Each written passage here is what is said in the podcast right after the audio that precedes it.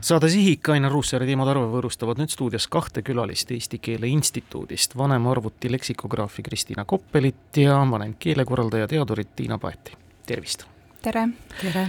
me räägime keelekorpusest, mida kujutab õigupoolest endast ligemale nelja miljardit sõna sisaldav keelekorpus? See keelekorpus on siis mahukatest kirjalikest tekstidest koosnev elektrooniline andmekogu, ehk siis teisiti öeldes lihtsalt empiirilised keeleandmed.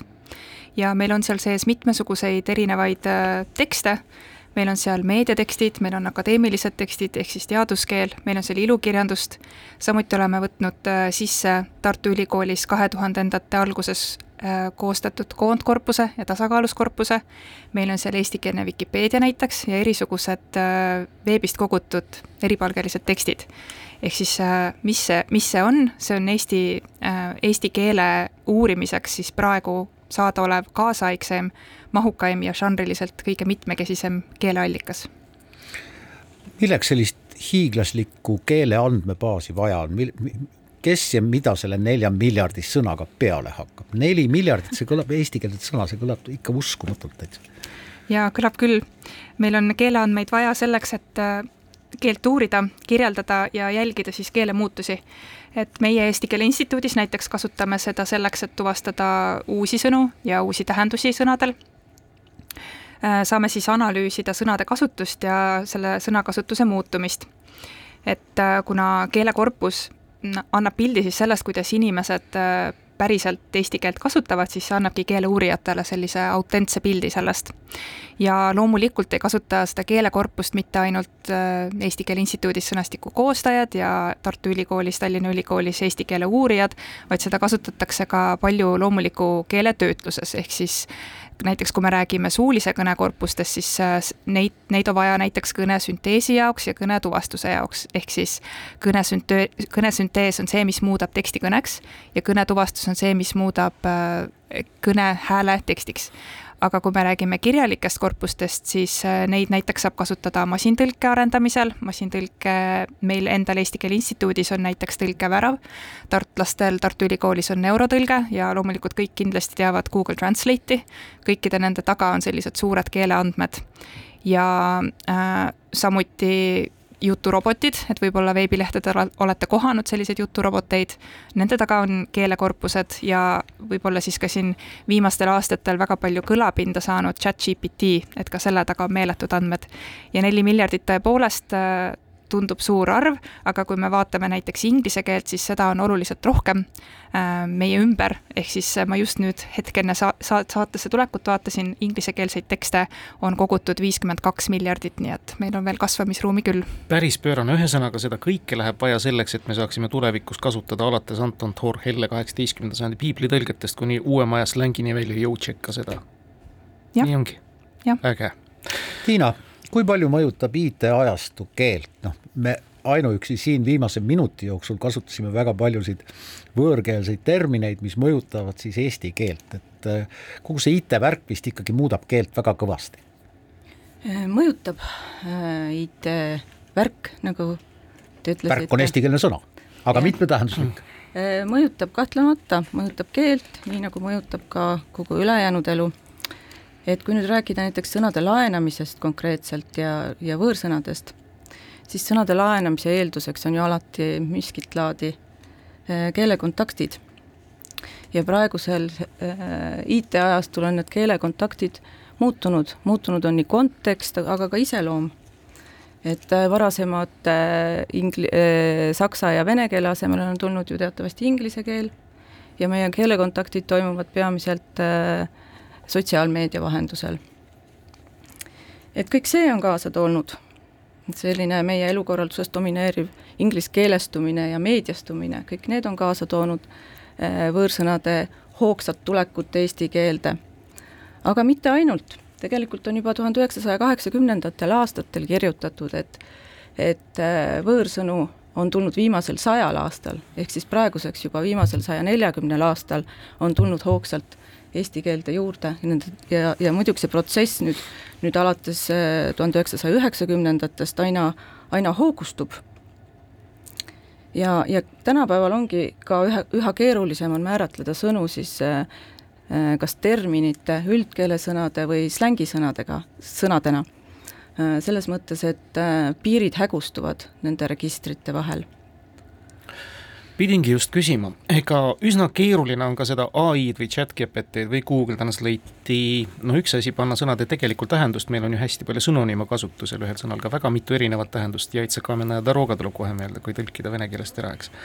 et seda vist ei suuda teha või selle nelja miljardi sõnaga juba suudab tollele korpuse kasutajale selgeks teha, mida milleks kasutada, millises formatsioonis kasutada, ilukirjanduslikku teksti sa ikkagi kaasaja tehnilisse sisse ei pane, andmaks edasi seda mõtet tekstile, ehk siis kuidas seda teksti mõtet edasi anda või arendada.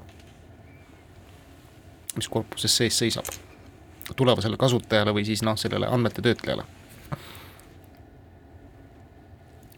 see on hea küsimus. see on hea küsimus, jah. see vist ei ole keeleinimestele päris, vaid see on juba edasiarendajatele küsimus, eks ole. see on rohkem keeletehnoloogidele jah, aga aga lisaks sellele, et äh, IT-ajastu äh, muudab keelt ja mõjutab keelt, siis, siis nagu Kristina osutas, siis ta väga palju muudab keele uurimist ja, ja nende uurimistulemuste edasiandmist, ehk siis sõnaraamatute koostamist. kui mina õppisin Tartu Ülikoolis, see oli õnneks kaheksakümnendate teises pooles, üheksakümnendate esimesel poolel, noh, Eesti oli juba vaba ja, ja eesti keelest räägiti hästi palju, eesti keele kaitsmisest räägiti hästi palju. kuulge, kas ähm, võõrsõnade keelde imbumine on muidugi suurenenud, aga kas me peaksime seda kartma? Ähm, Kristina ja Tiina, kas teie kasutate sõna enter või ütlete püüdlikult sisendklahv? kindlasti ei ütle mina sisendklahv uh. Mm, ma isegi ei mäleta, millal mul viimati tuli, tuli valida, kas sisendklahv või enter aga kasutame natukene teist võimalust, integratsioon või lõimumine. vot need on sellised, äh, ma ütleks, et minu enda isiklikus idiolektis äh, võib-olla võrdväärsed, et kuidas kunagi. ma ei tulnud siia tegelikult koolitundi tegema, aga on mõned eestikeelsed uudissõnad ju lähevad käibele, seesama nimetatud lõimumine, Ain Kaalepi suurepärane sõna, või siis taristu, aga teised ei saa kuidagi elujõulisteks, vaatamata väga paljudele sõnaustele, mida on korraldatud ja mis on väga hiilgavaid sõnu toonud. millest see sõltub? see on tegelikult mõnevõrra ennustamatu protsess, no näiteks see teie näiteks toodud taristu, see on tulnud siis infrastruktuuri asemele, mis on tõesti keeruline sõna, nii hääldada kui kirjutada ja sõnad võtavad ju kasutusele ikkagi inimesed, nad ise, sõnad ise ei lähe kuskile. selleks on neid vaja, et nad kasutusse läheksid. sest keel tegelikult ju sünnib ja, ja kujuneb kasutuses. Äh, ja ühe sõna keeles juurdumisel mm, ja omaseks saamisel äh, mängib tegelikult äh, palju asju kaasa Need on siis nii kirjakuju kui ka häälduse keerukus või, või lihtsus Äh, võivad olla analoogiad teiste sõnadega, aga ka selle, selle sõna tulemise situatsioon, kindlasti sõna kasutusvaldkond ja ka kasutajaskond. Äh, näiteks võib tuua siis äh, selle sõna coach, et on soovitatud sõna coach, on soovitatud sõna arengutreener, aga ikkagi soovitakse soovitakse kasutada rohkem seda tsitaatsõnalist kuju coach, mida on raskem hääldada, kirjutada ja ka käänata. Coach ja coaching omavad inglise keeles juba nii palju erinevaid väri-, väljundeid ja, ja varjundeid ja tähendusi, et seal on hästi keeruline mõelda, mida siin täpselt mõeldakse või millises kontekstis. Kuulge, aga need hästi paljud tekstid, mis on sisse tulnud, ma tahaks uskuda, et need on ikkagi väga hoolikalt valitud, midagi siit, midagi sealt, parlamendi stenogramm, Tõde ja õigus, viis osa ja nõndaviisi edasi, kes selle valiku täpselt on teinud, et oleks võimalikult mitmekesine? jaa, et äh, äh me kasutamegi sel-, siis selliseid spetsiaalseid programme esiteks, et äh, kuna veebis on hästi palju keelt ja nagu kõik siin ka ilmselt viimaste aastate jooksul on kuulnud, et no näiteks ajalehed nagu Ärileht, äh, Äripäev ja Eesti Päevaleht lõpetavad äh, paberil ilmumise lõpetasid juba, et äh, avaldavadki ainult veebis. ja need veebitekstid, need, mis veebis avaldatakse, nende jaoks on selline spetsiaal, spetsiaalne programm, kes käib ja kogub kokku kõik eestikeelsed tekstid, laadib need alla ja, ja siis tuleb sinna inimene, kes hakkab neid seal nii-öelda sorteerima, et vaatab, missugune on selline korralik eestikeelne tekst, milline mitte ja see, mis ei ole, visatakse siis välja.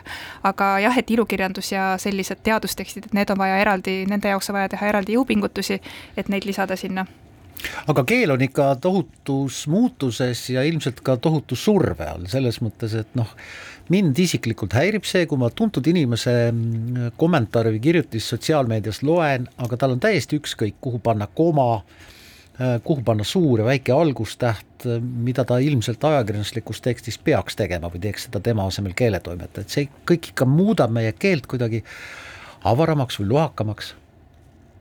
Te ei ole mures? Eh, mis puudutab ühe inimese komakasutusoskust või, või soovi seda teha, siis see ei, ma ei, ma ei saa kuidagi öelda, et see tervele eesti keelele kuidagi hukatuslikult mõjub, see võib pigem tema, selle inimese mõnel juhul eh, mõjuda tema usaldusväärsusele halvasti, aga, aga me kõik teame, et sotsiaalmeedias ongi ju reeglid natukene, natuke vähem, vähem tõsised võib-olla. Et kindlasti see inimene ajalehe artiklis paneb kõik need komad paika. seal on korrektorid olemas. seal on korrektorid olemas.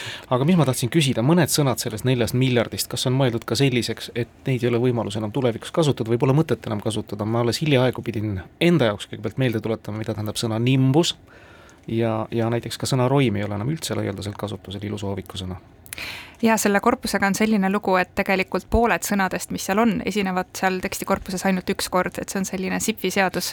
ja siis veerand sõnadest umbes kaks korda, ehk siis seal on sõnu, mis ongi, ongi esinevadki võib-olla ainult ühe korra ja mitte kunagi varem ja mitte kunagi hiljem teda ei, rohkem ei esine.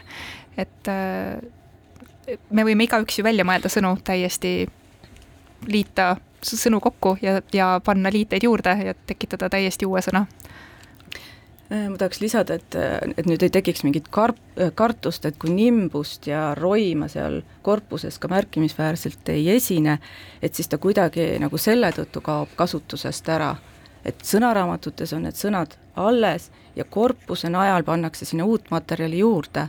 et keegi mingeid vanu olemasolevaid sõnu ju korpuse andmete põhjal ei kasuta, et uut teadmist toovad need korpused juurde ja, ja, ja vanad teadmised ei muutu, muutu olematuks või valeks või kasutuks. Mhm. ja kindlasti, et kõik korpuses leiduv ei jõua ka kunagi sõnaraamatusse. suur tänu teile tulemast, head Eesti Keele Instituudi mm, töötajad Kristiina Koppel ja Tiina Paet! aitäh!